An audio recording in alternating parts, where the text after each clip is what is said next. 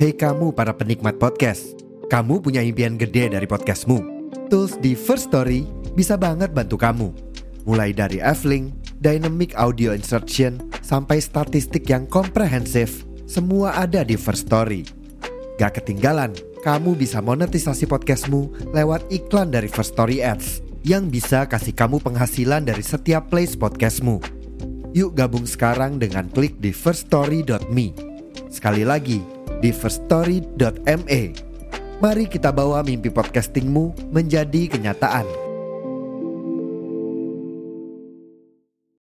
Box to Box Media Network.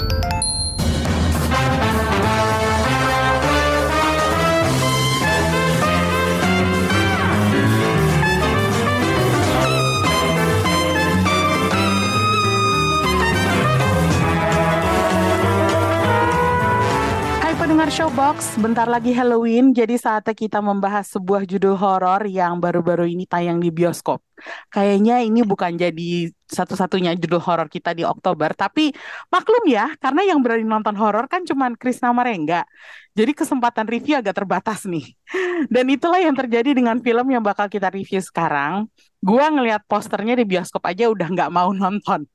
Jadi untuk review kali ini gue hanya sebagai moderator dan untuk review yang sejujurnya kita serahkan pada Krisna dan Rengga. Oke, filmnya adalah The Exorcist Believer, film yang menjadi film keenam di franchise Exorcist yang original dari tahun 1973 itu udah punya dua sequel sebenarnya, Exorcist 2 dan 3. Terus ada dua prequel juga nih, Exorcist The Beginning dan Dominion. Sekarang ini The Believer menjadi bagian dari trilogi sequel baru. Udah ada tiga film yang direncanain oleh Jason Blum dan Blumhouse-nya yang udah menjadi seperti penanggung jawab buat trilogi sequel ini. Dan film pertama di trilogi Exorcist baru ini disutradarai oleh David Gordon Green yang kemarin nanganin trilogi Halloween.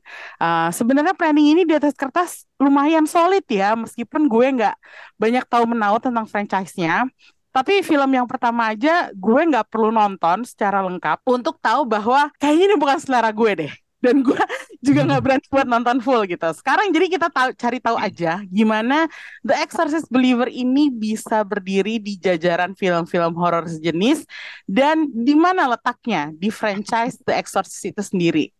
Jadi pertanyaan gue buat Krisna Marengga nih, um, ini film yang dikatakan menjadi sequel dari The Exorcist original, tapi ternyata ceritanya tuh udah 50 tahun dari kejadian di film pertama itu gitu.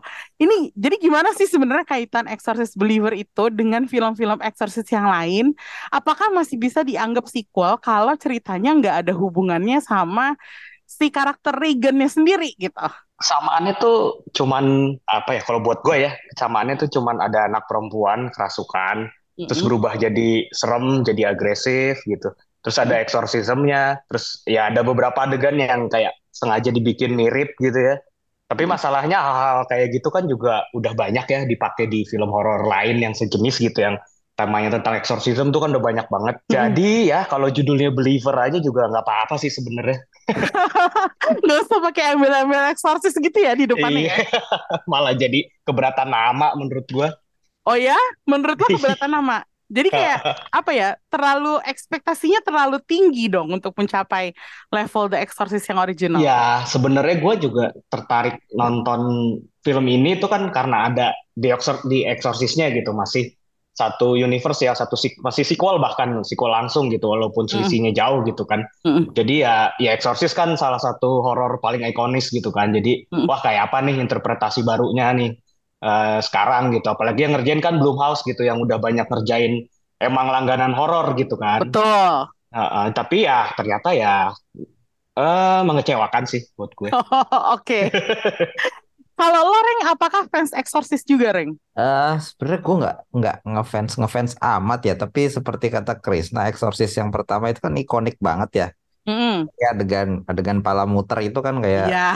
wow yeah. banget gitu pada masanya gitu. Jadi ya gue berharap berharap ada sesuatu yang baru sih di sini. Cuma ternyata ya benar mengecewakan sih. Waduh. Udah udah nggak ada yang baru, inferior juga menurut gua bahkan. Iya, iya. Oh, jadi apakah film ini justru menurunkan derajat franchise-nya kalau menurut lo? Iya, iya itu kayak gue bilang tadi, jadinya keberatan nama doang karena nggak sebagus itu. Betul. Oh, oke okay, oke. Okay.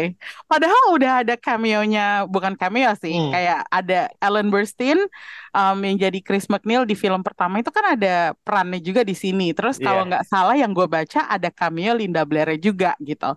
Yeah. Um, jadi kemu kemunculan mereka itu nggak bikin signifikan film ini. Enggak sih. Enggak ada. Enggak ada pengaruhnya. Enggak ada, enggak ada sama cerita enggak ada sama sekali. Betul. Oh iya, enggak ada pengaruhnya sama sekali. Meskipun sepertinya kalau yang gue baca ya dari sinopsisnya kok kayaknya si uh, peran si ibu ini si siapa? Nah. Chris McNeil ini lumayan gede loh. Enggak, gua bahkan lupa gede juga sih ya. Enggak gede ya. Gue bahkan lupa awalnya kenapa dia ditemuin gitu. Oh iya. Karena dia pernah ngalamin hal yang sama aja. Ditemuin tuh ceritanya karena kayak dia bikin buku terus oh, iya, bener uh, apa big hit gitu kan terus kayak hmm. dikasih lihat nih udah ada yang pernah ngalamin begini lu temuin aja dia gitu loh gitu gitu aja sih terus kayak udah gitu aja ketemu si anak yang kerasukan itu malah mata dicolok-colok terus udah gitu doang udah gitu doang jadi uh, uh. begitu matanya buta udah selesai perannya jadi kayak Hah? segitu iya, doang kayak kayak cuman buat apa ya kayak kan itu juga munculnya udah lumayan di pertengahan agak menjelang terakhir gitu ya Uh. Jadi itu kayak gue nangkepnya tuh kesannya kayak ini biar biar lu masih pada inget nih kalau ini nih ini loh masih ada hubungannya sama Exorcist tahun 73. Iya. Takutnya lu pada lupa oh. gitu. Karena nggak ada nggak ada pengaruhnya banget. Ibunya itu gitu. Iya. Oh. Kayak gitu. ini setannya masih sama emang dulu sama yang dulu loh gitu. Loh. Mm -mm. Oh gitu, gitu doang. Tapi kenapa dia dibikin buta itu yang pertanyaan gue sekarang.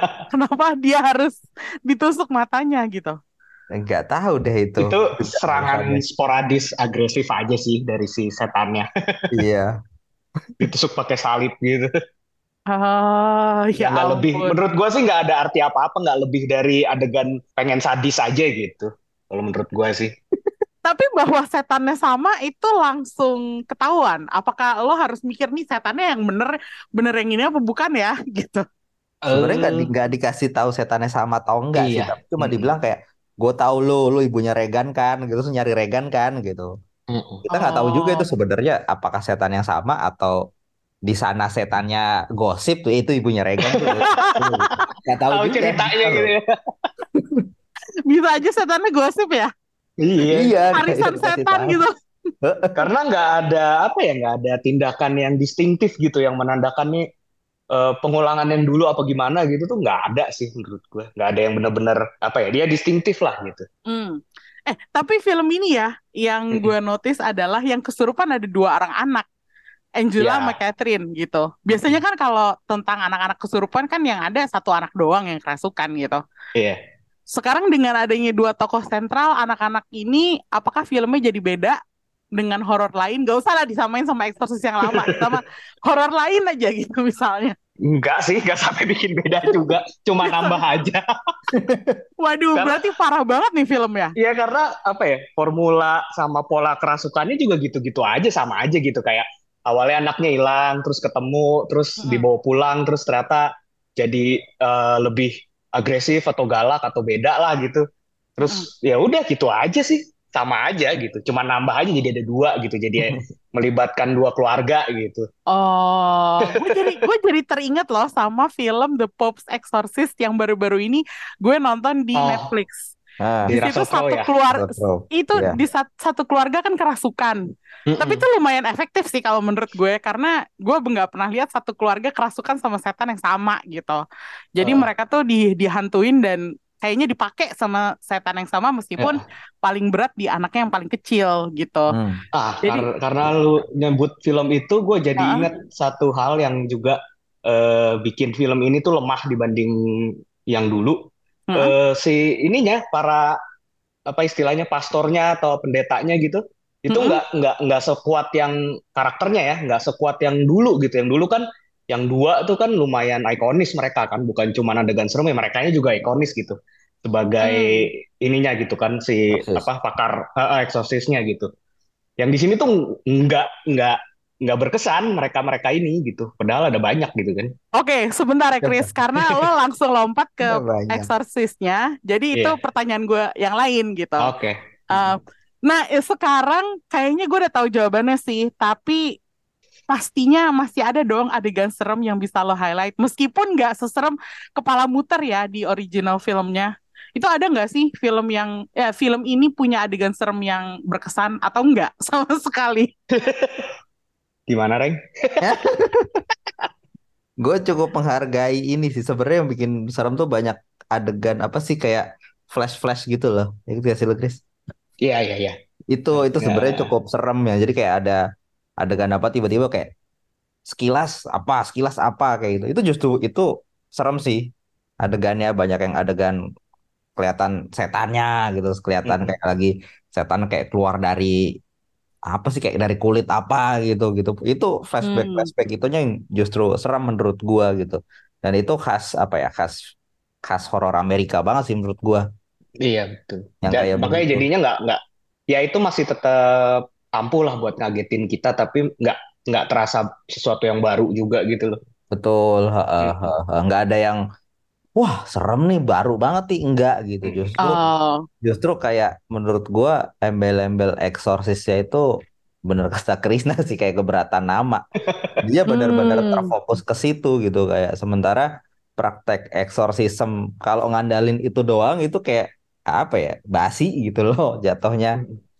Iya iya. Uh, tapi menarik juga lo nyebutin yang flashesnya itu ya Ren karena tadi gue baca sempat gue baca di screen rant bahwa itu salah satu trik yang dipakai sama film aslinya untuk nampilin wajah setan pucat gitu dengan yeah. gigi taring tajam gitu. Hmm. Itu teknik yang dipakai buat kayak ngagetin seakan-akan kalau misalnya kita nonton di rumah seakan-akan player lo tuh kesurupan keganggu nggak oh. gitu ya. gitu tapi gue ya. nggak ya. yakin apakah teknik yang kayak gitu bekerja masih bekerja apa enggak di film yang ya kalau dibilang sekarang kan film horor kan udah banyak banget ya iya dan udah banget evolusinya udah jauh banget gitu mm -hmm. jadi makanya gue mm, tadi lo nyebut itu gue mempertanyakan emang masih bekerja ya kayak gitu iya. ya kalau zaman dulu kan mungkin karena kalau misalnya setelah, setelah di bioskop nontonnya di TV di apa TV terestrial gitu misalnya kan. Ya, uh. Mungkin tuh kan kayak wah sinyalnya keganggu gitu. Kayak masih ah. masih lebih ampuh gitu di zaman dulu gitu. Kalau iya, sekarang iya, kan ya itu sih bener eh, concern dulu. bener bener. bener. Tapi, Tapi ya itu tadi selain cukup, uh, cukup seru sih, bukan cukup seru ya, cukup hmm. itu yang paling memorable di film itu buat gua. Iya. Soalnya Sama... kayak apa ya? teknik-teknik eksorsismnya itu ya itu balik lagi dari si basi menurutku cuma ngandel gitu doang ya soalnya, soalnya kayak film horor sekarang kan udah banyak banget macamnya terus tapi tapi masih mengandalkan mengandalkan apa ya keseraman eksorsis tuh kayak masih ya lah nggak ada nggak ada yang lain apa gitu gitu gitu aja gitu jadinya Okay. Mungkin yang bagian tadi tuh juga masih lumayan berhasil ngagetin karena gue yang mungkin satu yang masih bisa gue apresiasi dari sini tuh make upnya bagus sih. Oh iya, make upnya oh. bagus. Jadi buat uh, make up si anak-anaknya nih setelah sedikit demi sedikit makin kesu makin kerasukan tuh itu emang serem sih tetap make upnya dan dia tetap pakai ini kan make up apa uh, praktikal gitu. Jadi uh, uh, tetap prosetik apa segala macem. Luka-lukanya juga jadi itu yang masih oke okay sih. Itu kalau gue perhatiin misalnya gue nonton trailer di YouTube gitu setiap kali wajah anak-anak yang disorot gue nggak berani lihat. Iya, karena iya, itu karena make upnya tuh agak apa ya agak jijik gitu loh karena mulutnya tuh berdarah-darah terus udah gitu mukanya kayak comel-comel gitu banyak iya. yang banyak goresan gitu makanya gue agak-agak serem juga jadinya meskipun lo bilang filmnya butut ya tapi gue kalau ngelihat adegan anak-anak itu gue sih gak berani sih tetap kayak gue cemen aja ya, gitu. Ya, kalau apalagi kan mereka suka scratch scratch something gitu kan. Mm-hmm. Terus kukunya mulai jadi pada rusak itu itu gue tetap ngilu sih ngeliatnya. Kukunya oh. copot. Kukunya oh copot. my god, aduh enggak banget. Bagian itunya tetap ini sih masih oke okay lah. Mm. Tapi lo bisa komentar gak sih tentang acting siapa pun di film ini. Kan tadi gue udah nyebut si um, Ellen Burstyn ya, sama ada yeah. cameo-nya Linda Blair. Tapi cast yang sekarangnya ada yang menarik perhatian lo nggak? Si anak-anaknya aja sih kalau gue. Si Catherine si siapa namanya Olivia O'Neill sebagai Catherine sama mm. Lydia Jewett sebagai Angela itu aja sih maksudnya mereka pas kerasukan pas berubah jadi serem gitu itu tuh itu tetap kelihatan meyakinkan sih buat gua kalau mereka yeah. emang lagi kerasukan kalau yang lainnya oh. biasa aja sih oke okay. gua malah sebel sama pemeran utamanya si Leslie Bapaknya. karena uh, si Victor karena nyebelin orangnya karena Emang gue juga sebel. Iya kan suka parkir sembarangan, males buang sampah. Waduh. Situ gue udah gak simpati langsung lagi orangnya juga. Lagi-lagi ya. Lagi-lagi kita punya menemukan sosok bapak yang kurang simpatik nih di sebuah film setelah John David Washington. Kalau lo Reng gimana Reng? Apa? Sama sih kayak Chris persis. Cuma dua karakter bocah itu aja yang aktingnya bagus jadi setan. jadi setan pas kerasukan. Sisanya bapaknya enggak ya? Bapaknya enggak banget sih. Maksudnya ya mungkin secara acting dia nggak bisa dibilang jelek juga gitu dan emang iya. mungkin karakterisasinya ya. dibikin seperti itu tapi jadinya bukan salah banget. aktornya ya iya bukan salah aktornya sebenarnya justru menurut gua actingnya jadi bagus karena dia berhasil memerankan karakter itu jadi nyebelin banget gitu Tapi kan di sini ada dua orang tua ya, ada dua. Uh, jadi orang tuanya Angela sama orang oh, iya. tuanya iya. Catherine. Yang satunya lagi orang tuanya nyebelin juga gak sih? Hmm. Uh, gimana ya? Gak, gak, gak, gak berkesan sih. Gak, gak berkesan. Tidak memorable. Iya. Nggak ada, iya nggak ada apa ya, nggak ada personalitinya, nggak ada yang menonjol gitu, gitu aja gitu standar. Ba bapaknya, bapaknya si siapa si Tony itu sebenarnya mau dibikin nyebelin, hmm. tapi kurang dapat nyebelinnya. Iya. Oh, lebih dapat yang satunya ya? Iya, lebih dapat si siapa sih Victor ya? Iya. Victor. Uh, uh, si si Tony tuh kayak mau dibikin karakter yang antagonis gitu kan, dia ceritanya. Hmm. Tapi nggak dapat itu menurut gua. Oh. Lebih sering kesian malah ya. iya, lebih sering kayak kasihan banget nih orang ya gitu lebih. Oh. Lebih jadi enggak okay. ke dia. Wah, parah nih. Yang harusnya jadi protagonis malah nyebelin, yang dimasukkan jadi antagonis malah nggak nyebelin dan kasihan. Malah kasihan. Itu ya ampun. Dia kayak kalah makanya... sama, sama sama istrinya. iya. Oh my god. Bener. Ini salah skripnya atau salah apanya nih guys? Ya kalau ngelihat karakterisasi sih berarti dari skripnya. Maksudnya salah satu apa ya? Ketika nonton horor ya menurut gua salah satu yang bikin uh, adegan-adegan horor itu jadi powerful, jadi lebih kesian, jadi apa itu kan kalau kita simpati sama karakternya kan. Mm-hmm. Kayak misalnya wah keluarganya rukun gini, harmonis gini, baik gini tapi terus jadi keganggu gara-gara uh, ada yang kerasukan, ada yang diganggu gitu kan. Mm-hmm. Itu kan kita jadi lebih kesian, lebih berat nontonnya gitu kan. Nah, mm-hmm. kalau di sini gue nggak ngerasain simpati itu ke si Victor masalahnya. Hmm. kayak ya, kayak ya, mampus ya, lu gitu mah enak gitu. ya nggak sampai gitu juga sih. Jahat banget. Jahat banget sih. Tapi, Tapi beneran gue juga gue juga tidak bisa merasa, merasa empati ke dia sih soalnya kayak mm -mm. orangnya nyebelin gitu. Dia berinteraksi sama si siapa tuh? Bapak eh ibunya si siapa sih? Ibunya si Regan gitu ya. Mm -mm. Kayak ini orang nyebelin sih gitu. Kan lu kayak oh. ke dia tapi kayak interaksinya tuh kayak iya songong gitu Arogan. gitu loh kayak mm -mm. Apa sih dia tiap kali interaksi sama orang tuh kelihatan kelihatan kelihatan nyebelin aja gitu kelihatan sombong gitu loh. Iya. Mm. kayak nggak ramah gitu loh. Mm -mm. jadinya kayak gue nggak ada simpatinya sama orang ini sama sekali gitu. Sama si susternya juga kan yang tetangganya juga iya. Itu. bahkan sama temen-temen gymnya aja oh, kayak iya si Stu itu ya Stuart si itu ya. Stuart ya. itu kayak tidak tidak baik-baik ke gitu. Karena Stu-nya kayak kelihatan baik banget gitu loh. Tidak ramah. Ya, tapi kayak tidak ramah gitu senyum aja enggak gitu. Jadi kayak nyebelin banget nih orang gitu. Padahal, padahal udah di tahap orang-orang itu pada peduli sama si Angela kan udah mau bantuin Angela. Iya. Tapi dianya tetap kayak gitu. Dia tetap kayak gitu gitu nggak ada ramah-ramah jadi kan kayak aku tidak merasakan harus kasihan sama dia gitu loh. iya. Sama Angelanya aja kali ya. Lagi-lagi ya. Lagi-lagi ya karakter korbannya kita jadi nggak simpati karena ada karakter lain yang nggak nggak bagus gitu intinya. Ini gue jadi teringat sama review kita tentang The Creator nih. Karena lagi-lagi kayak waktu itu kan Rengga juga bilang ya gue nggak bisa merasakan kedekatannya si Alfi sama si Joshua gara-gara Joshua. nya nyebelin gitu. Hmm. Jadi wah ini parah banget sih. Guys di Hollywood kalau mau bikin film yang bikin kita peduli sama anak-anaknya, lu bikin karakter bapaknya tuh harus harus bisa simpatik dulu simpatik. gitu. Waduh, pesan aja sih tadi buat para filmmaker Hollywood ya. Jadi ya horor-horor yang Hollywood yang belakangan yang lumayan berhasil kan selalu simpatik karakternya kan. Betul. Patrick Wilson tuh jago banget mainnya. Iya. Begitu. Contohnya. Contohnya. Kayaknya nggak bisa dibandingin deh. Patrick Wilson di perhororan kayaknya sebagai bapak dia levelnya Ini aja apa?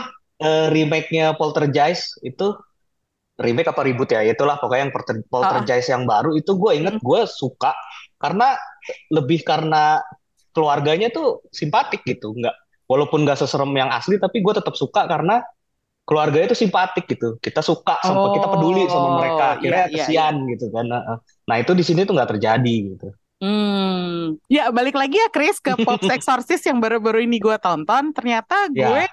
lumayan suka karena meskipun anak-anaknya agak ada yang nyebelin juga karena remaja ya, mm-hmm. tapi secara keluarga mereka secara secara unit keluarga keseluruhan mereka tuh kayak kasihan gitu intinya mereka uh peduli satu sama lain kan. Jadi yeah. Pada saat mereka diganggu, gue tuh tertarik banget untuk mengetahui ini gimana nih endingnya mereka. Nasibnya gitu kan. Uh-uh, gitu. Mm-hmm. Nah, tapi balik lagi nih ke eksorsismnya yang lo bilang tadi udah biasa gitu ya. Um, tapi yang gue tangkap dari trailer tuh di sini kan kayaknya mereka gabungin beberapa ritual exorcism ya. yeah. Dari berapa aliran yang beda. Masa nggak ada yang bikin spesial dari Aduh. hal itu? Di mix gua... exorcism. Udah di mix aja menurut gue masih kurang loh. Oh ya? Iya, jadi kan kayak mixnya tuh antara ada ada Katolik, Katolik Kristen sama kepercayaan apalah itu gue. Haiti ya apa eh, IT ya, IT ya. Ha, ha, ha, hmm. itu kayak wah gila nih baru nih kayak ini tapi kayak hmm. ya gitu aja gitu loh pas pas oh. ditongolin mereka wah yang terlibat ternyata bukan cuma dari ke gereja Katolik doang nih ada yang lain juga uh, itu lumayan wah akhirnya mungkin ada apa seru nih kayaknya nih gitu betul, betul. tapi akhirnya gue malah jujur aja gue malah banyakkan ketawa ngeliatnya jujur ya, kalau jadinya konyol karena apa ya malah berantakan gitu loh eksekusinya. Cuman mereka pada teriak sendiri-sendiri gitu kan. Iya. Jadinya konyol, iya. Oh. Malah pada pada pada ngomong berdasarkan kepercayaan masing-masing jadi berisik sendiri gitu. Iya. Oh. Jadi kayak kayak apa ya? Kayak setannya juga tidak tersampaikan itu doa-doanya karena pada berisik sendiri kayak jadi ya elah nggak maju. Setannya juga nggak gitu. denger. Ini yang mana nih yang mesti cuma berisik doang gitu. Iya. Cuma oh. jadi noise. Padahal kan kayaknya kalau nonton trailernya kayaknya itu yang jadi kayak selling pointnya gitu bahwa nggak cuma satu cara nih buat ngusir setannya, mm -mm, mm -mm. saking setannya tuh heboh banget gitu. Kuat jadi gitu, iya, uh -uh, iya. Jadi dicampurin gitu mm -mm, dari agama ini, agama ini, mm -mm. aliran ini, aliran itu gitu. Mm -mm. Tadinya gue pikir itu bakal jadi highlight, yeah. ternyata malah berantakan.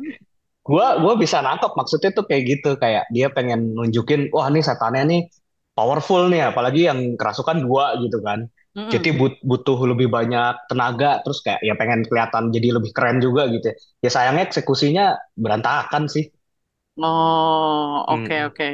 dan emang ya uh, Exorcism itu kan udah hal yang bukan hal yang baru ya, apalagi di sinema gitu. Mm-mm. Udah banyak banget film yang mengetengahkan exorcism gitu. Lo bisa kasih contoh gak sih exorcism yang keren, yang bagus itu di mana? Di Hollywood aja. Terserah di mana aja. Oh, apa ya? Uh, wah lupa gue. Oh, gue mungkin kalau exorcism favorit gue tuh gue inget waktu gue nonton The Wailing sih Korea. Oh, wah, iya. Oh, iya. Yeah. Mungkin karena waktu itu gue juga masih jarang ngelihat exorcism ala Korea gitu ya. Mm. Jadi gue nggak tahu uh, se seheboh apa ternyata heboh banget dan itu creepy banget sih. Gue ingat oh. itu salah satunya. Tapi kalau kayak Hollywood yang pakai apa ya? Biasanya kan pakai uh, ritual Katolik lah ya. Mm-hmm. Itu gue suka ini sih Exorcism of Family Rose dulu. Oh, oke. Okay. Yang gue inget nih sekarang ya. mm. Mungkin kalau lu tanya dua jam lagi gue bisa bisa muncul yang lain. Tapi kalau yang gue itu sih. Kalau lo Reng ada rekomendasi adegan exorcism keren dari sebuah film gak sih? Gue lupa yang serial yang mana ya. Pokoknya ada Patrick Wilsonnya aja. Berarti dari itu, dari... Conjuring. Antara Conjuring, Conjuring atau Insidious. Insidious juga ada kan?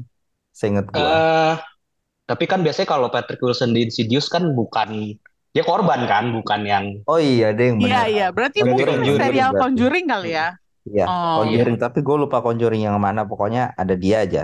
Itu menurut Hmm. gue salah satu yang paling serem sih. Selain The Wailing ya, gue ini banget sih yang The Wailing tuh creepy banget soalnya. Mm-mm. Dan Benar-benar itu setannya merinding. nggak kelihatan kan gitu maksudnya pas adegan ritualnya itu tapi anjing serem banget Oh heboh sama gitu ini sih. Apa Chris film Thailand itu? medium Medium. ya ya ya Itu juga serem sih. Serem itu banget sih. medium serem sih Ah, benar-benar. Nggak nggak Oh. kelar-kelar itu seremnya kalau medium. Nggak Oh habis-habis. gitu.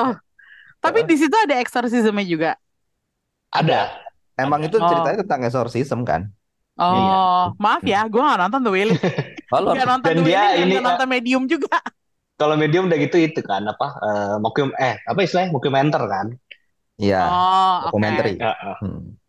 Oh, Terus, itu. oh jadi tapi gue inget yang seru juga ini loh Ustadz Kodrat Oh, Ustadz Kodrat ya. action gitu kan jadinya seru juga tuh Oh, oke. Gak lazim, gak lazim. nggak lazim benar. Baru, baru, baru itu.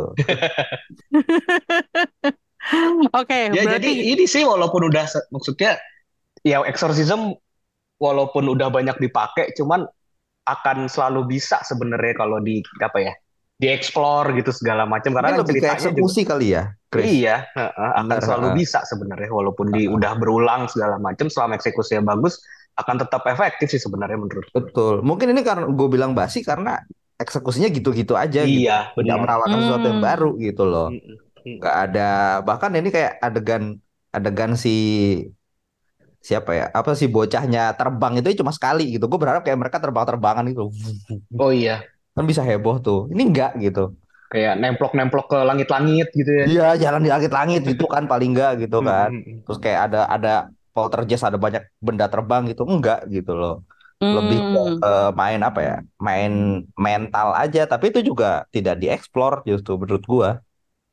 Oh, Kalau di di sini kan juga sebenarnya ada gitu. kepala muter kan Iya, tapi udah ketebak gitu kayak gue udah tau ya muter nih terus pas udah kejadian juga jadi nggak gak serem ya gitu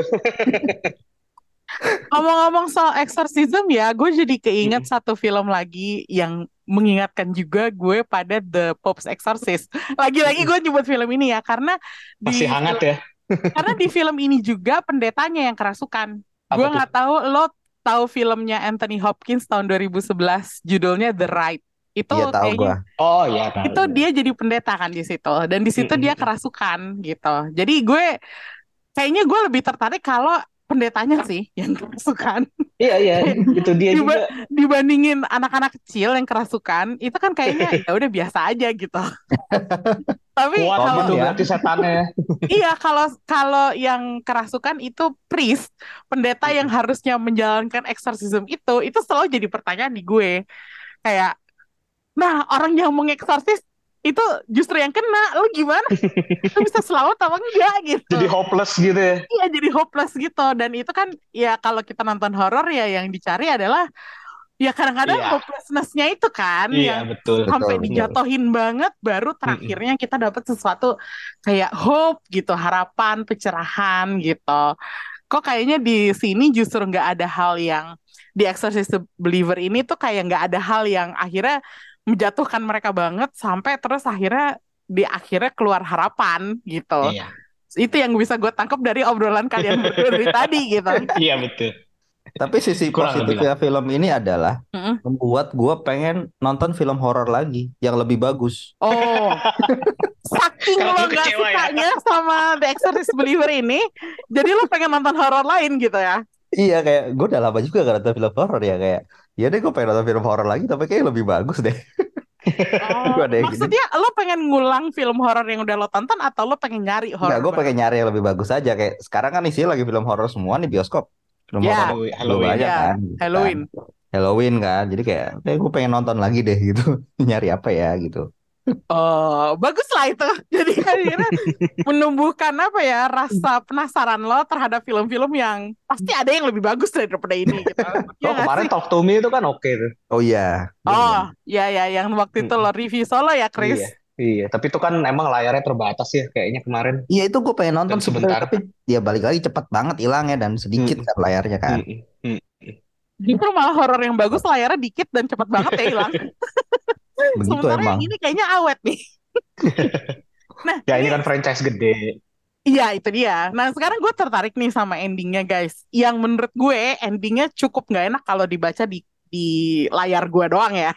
Yeah. Jadi gue nggak tahu pengalaman lo nonton sama gue baca itu sama apa beda. Tapi um, kalau nggak salah setannya tuh nyuruh orang tuanya tuh pada milih gitu siapa yang harus diselamatin. Ternyata nama yang disebut itu bukan yang selamat gitu. Jadi yeah yang disebut namanya Catherine, tapi malah Catherine yang diseret ke neraka. Jadi Angela hmm. yang selamat.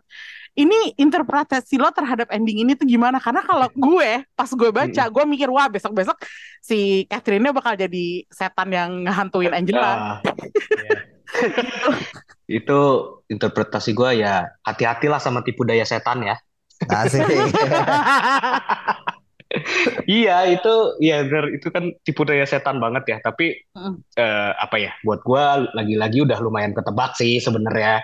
Justru nama yang disebut itu yang nggak akan selamat gitu ya. Cuman balik oh. lagi itu kan harusnya apa ya pilihan yang penuh dilematis gitu kan. Uh, secara moral buat dua-dua kedua orang tua ini gitu kan. Apakah mm menyelamatkan anaknya tapi mengorbankan anak orang lain gitu segala macam. Itu harusnya dramatis gitu kan. Tapi ya itu eksekusinya sayangnya enggak gitu. Pas salah satu uh, ya si Tony gitu bapaknya uh, Catherine nyebut nama anaknya itu kayak muncul gitu aja gitu loh. Nggak jadinya nggak nggak dramatis sih menurut gua. Oh oke. Okay. jadi adegannya Kayaknya. lewat gitu aja gitu ya? Iya padahal harusnya bisa dramatis banget itu karena kan ya itu berat kan pilihan yang nggak mudah kan. Hmm. dan pastinya menggoda banget kan buat para orang tua ini kan ya lagi-lagi hmm. tipu daya setan Kalau interpretasi lo yang gimana? Itu balik lagi menurut gue ya sih harusnya harusnya bisa dibikin lebih dramatis ya ini ya uh, scene ini ya. Tapi kayak bikinnya kayak selewat doang kayak Catherine, I just Catherine gitu. Tiba-tiba si Tony-nya nongol gitu kan. Padahal selama ini dia tidak pernah ada gitu. Tapi gue mencoba mencoba mencoba melihat dari sisi yang lain ya. Jadi kayak ceritanya kan si Catherine ini semacam apa ya? Disia-siakan lah di rumahnya sebenarnya gitu kan. Tapi bapak ibunya kayak nggak mau mengaku itu gitu gitu kan. Terus di pas lagi acara eksorsisme itu kayak semuanya dibuka tuh ceritanya. Hmm. oh iya benar terus kayaknya tuh si bapak ibunya terutama bapaknya nih awalnya kan di kayak foreshadowing gitu loh pas lagi eksorsisme si bapaknya semuanya uh, buka sepatu bapaknya enggak gitu kan. Jadi kayak hmm. semacam percaya nggak percaya gitu sampai akhirnya bapaknya buka sepatu gitu lama-lama gitu. Hmm. terus sampai akhirnya si bapaknya takut banget kan gitu. Sampai akhirnya ketika suruh milih mungkin si bapaknya kayak menyadari gitu ah ya udah deh gue akhirnya biar anak gue balik gitu. Gue akhirnya jadi kayak apa sih kayak akhirnya gue sayang sama anak gue gue beneran sayang sama gue hmm. akhirnya dia ngomong Catherine kan gitu. Dia bilang kayak gitu. Mungkin mau dibawa ke situ ya tapi redemption gitu ya Iya dan dan nggak nggak keluar aja. Ini balik lagi ke ini sih ke judulnya kan. Exorcist hmm, believer. believer kan. Mungkin mau dibawa ke situ ya, tapi menurut gue banyak banyak banyak adegan dan penyampaiannya tuh kurang jadinya kayak B aja gitu kayak ya apa sih gitu loh. Hmm. Mungkin maksudnya baik ya, makanya maksudnya baik. Hmm. maksudnya kayak gitu. Tapi ya gitu pengadegannya kurang oke okay aja menurut gua. Jadi jadi nggak nyampe ke penonton lah ya. Iya, nggak nyampe ke penonton gitu loh. Kurang dramatis, kurang apa ya? Kurang greget lah intinya. Hmm, sayang banget dong. Sayang menurut sayang. gua. Apalagi Victornya begitu kan. Tapi jujur lo berharap yang selamat Angela apa Catherine? Kalau apa ya? Yeah. Gak tahu sih gue. Gak, gak bisa milih lah itu. Gak bisa ya. milih sih gue. Moral konflik juga ya. Iya. Lo sebagai penonton ikut ikut mikirin nggak kayak kalau lo yang disuruh milih, lo milih yang mana gitu? Iya, pas awal-awal itu disampaikan kayak wah ini bakal dilematis nih, bakal bakal berat juga kan ya maksudnya buat orang tuanya kan pasti menggoda kan nyelamatin anaknya dulu lah yang penting gitu kan. Mm. Tapi ya ya itu gue dikecewakan dengan eksekusinya yang kayak lewat gitu aja yang nggak nggak di build up untuk dramatis gitu loh. Hmm, oke. Okay. ini kesimpulannya guys, apakah franchise ini masih punya nyawa? Ini kalau kalau inget ya, film aslinya tuh juga produksinya kan nggak lancar ya. Waktu itu mereka banyak bahkan ada kru dan cast yang sampai meninggal dan terluka gitu dari uh, syuting film yang originalnya gitu. Apakah menurut lo uh, Exorcist itu emang punya kutukan. Waduh. dan apakah hasil buruk dari Exorcist Believer ini juga bagian dari kutukan itu gitu? Hmm, hmm, hmm. hmm gua gak tahu sih kalau soal kutukan itu ya. Cuman ya bikin apa ya? Bikin film sequel buat horor ikonis gitu yang apalagi film aslinya tuh akhirnya juga banyak menginspirasi film horor lainnya gitu kan. Mm-hmm. Itu jelas ya susah lah ya. Terus dan dan kelihatan di sini Believer nih kayak apa ya? Kayak terasa apa ya? Terlalu silau kali sama film aslinya. Jadi nggak punya identitas sendiri gitu. Berusaha masih punya benang merah tapi nggak nyampe seremnya uh, segala macam eksekusinya gitu ya mm. terasa lebih inilah lebih soft lebih jinak gitu filmnya mm. uh, tapi mengingat ini yang bikin udah di tangan Blumhouse kan si trilogi ini mm -mm. dan Blumhouse kan ya kita tahu sendiri mode bisnisnya kan bikin film semurah mungkin dengan uh, apa uh, keuntungan yang besar gitu kan jadi gampang gitu buat dapat untungnya nah si Exorcist Believer ini kan tetap dapat untung ya. Jadi menurut gua sih kayaknya bakal tetap lanjut sih. Oh ya? ya wow. Walaupun uh, ya karena di tangan Blumhouse aja sebenarnya. Jadi kayak ya kan mereka banyak lah sebenarnya bikin film yang tidak terlalu istimewa gitu ya. Tapi ya tetap untung buat mereka karena budgetnya kecil. Jadi selama mereka tetap bisa bikin Exorcist selanjutnya dengan budget kecil, gue rasa akan tetap dikerjain sih. Exorcist yang berikutnya udah diumumin loh judulnya kan The Exorcist iya, makanya, Deceiver ya itu keluarnya rencananya tahun 2025. Jadi lo percaya bahwa sequel ini masih tetap bakal dibikin dan keluar? Kalau ini di tangan uh, production house lain, gue gua nggak yakin. Tapi karena di House, gue agak optimis sih. Oke. Okay. Rengga lo ada ada bocoran lain nggak? Biasanya kan lo yang suka ngasih bocoran fun fact gitu-gitu. fun fact-nya adalah film ini ongkosnya 30 juta dolar. Oke. Okay. Doang. Kecil kan? Kecil. Belum Mas tuh jago banget ngenekan iya. biaya produksi emang. Mm-hmm. mereka ya, pakai aktor-aktor yang kayak gini kan. Iya. Gak terlalu mahal. Mm-hmm. Betul, tapi mereka selalu bikin film yang horor itu efektif gitu. Mm-hmm. Nah, sayangnya menurut gue di sini kurang. Tapi kalau ngelihat trennya sih bener sih bakal dilanjutin dan mungkin bakal pakai trik-trik yang lain gitu. Soalnya uh, si Blumhouse ini apa ya mereka tuh apa ya, cukup inovatif sebenarnya kalau iya. masalah horor-hororan begitu mereka jago Betul. emang udah ranah main mereka di situ gitu jadi kalau misalkan mau dilanjutin gue rasa mereka bakal cari cara lain sih biar ini tuh jauh lebih menarik gitu jadi Dengan sambil tetap nekan budget iya betul menurut lo mereka bisa belajar nggak sih dari kegagalan Exorcist Believer bisa ini bisa banget sih menurut supaya Deceiver-nya jadi lebih bagus gitu iya iya bisa oh. banget. Gue lumayan rasa. yakin sih. Karena barnya nggak tinggi juga kan, cukup rendah kan. Iya. Oh. Uh -uh. Oke. Okay. Ada ada kemungkinan nggak bahwa film berikutnya ini The Deceiver ini akhirnya bukan rilis di bioskop tapi di OTT? Mungkin banget juga sih. Ya bisa banget sih. Hmm. Kalau mereka kalau kalau ini apa profitnya nggak gede, maksudnya mm -hmm. itu kemungkinan mm. besar bisa langsung ke OTT sih. Hmm dan emang mungkin profitnya mungkin gak gede ya dan dan dari review juga nggak bagus kan emang ya? negatif, ya iya negatif. reviewnya jatuh dan, banget sih betul dan kamu bisa banget langsung ke OTT gitu ini box hmm. office-nya 8 sejauh ini 85 juta sih. Tetap untung oh, tapi ya pasti sih, tetap ya, untung. Ya, udah dua kali lipat sih tapi iya. gua rasa pasti Wah, targetnya lebih udah BEP itu. sih. Jadi ya udah bakal tetap lanjut sih menurut gue. Oke. Okay. Cuman ya itu benar mungkin pertanyaannya apakah akan theatrical atau OTT sih. Hmm, oke. Okay. Nih sekarang di bioskop juga lagi ada satu film dari franchise gede yang tadinya sempat kita pertimbangkan mau review juga ya padahal um, terus salah satu dari lo bilang tapi gue nggak ngikutin franchise gitu-gitu gitu. Um, yaitu uh, Saw X Saw 10 ya kalau nggak salah. Um, ini dari dari dua franchise besar ini Exorcist dan Saw ini masing-masing keluarin film nih. Tapi kan nggak semua orang punya waktu atau uang buat nonton ya. Yeah. Nah, kalau lo harus ngerekomendasiin antara dua film ini ke orang yang mau nonton di bioskop, dan cuman punya waktu dan uang buat satu film, mana yang bakal Ro rekomendasiin? Tahu aja sih. karena oh gitu.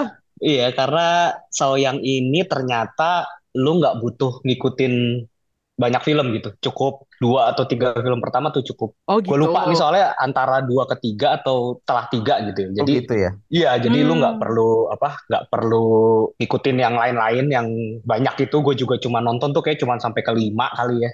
Di Mm-mm. situ gue udah nggak pernah nonton lagi. Terus ditambah lagi lumayan gak disensor di Indonesia di bioskop. Oh, really? Ya, iya, jadi kayaknya tetap apa walaupun di bioskop tetap bisa sangat dinikmati gitu. Nggak usah khawatir sama sensornya gitu.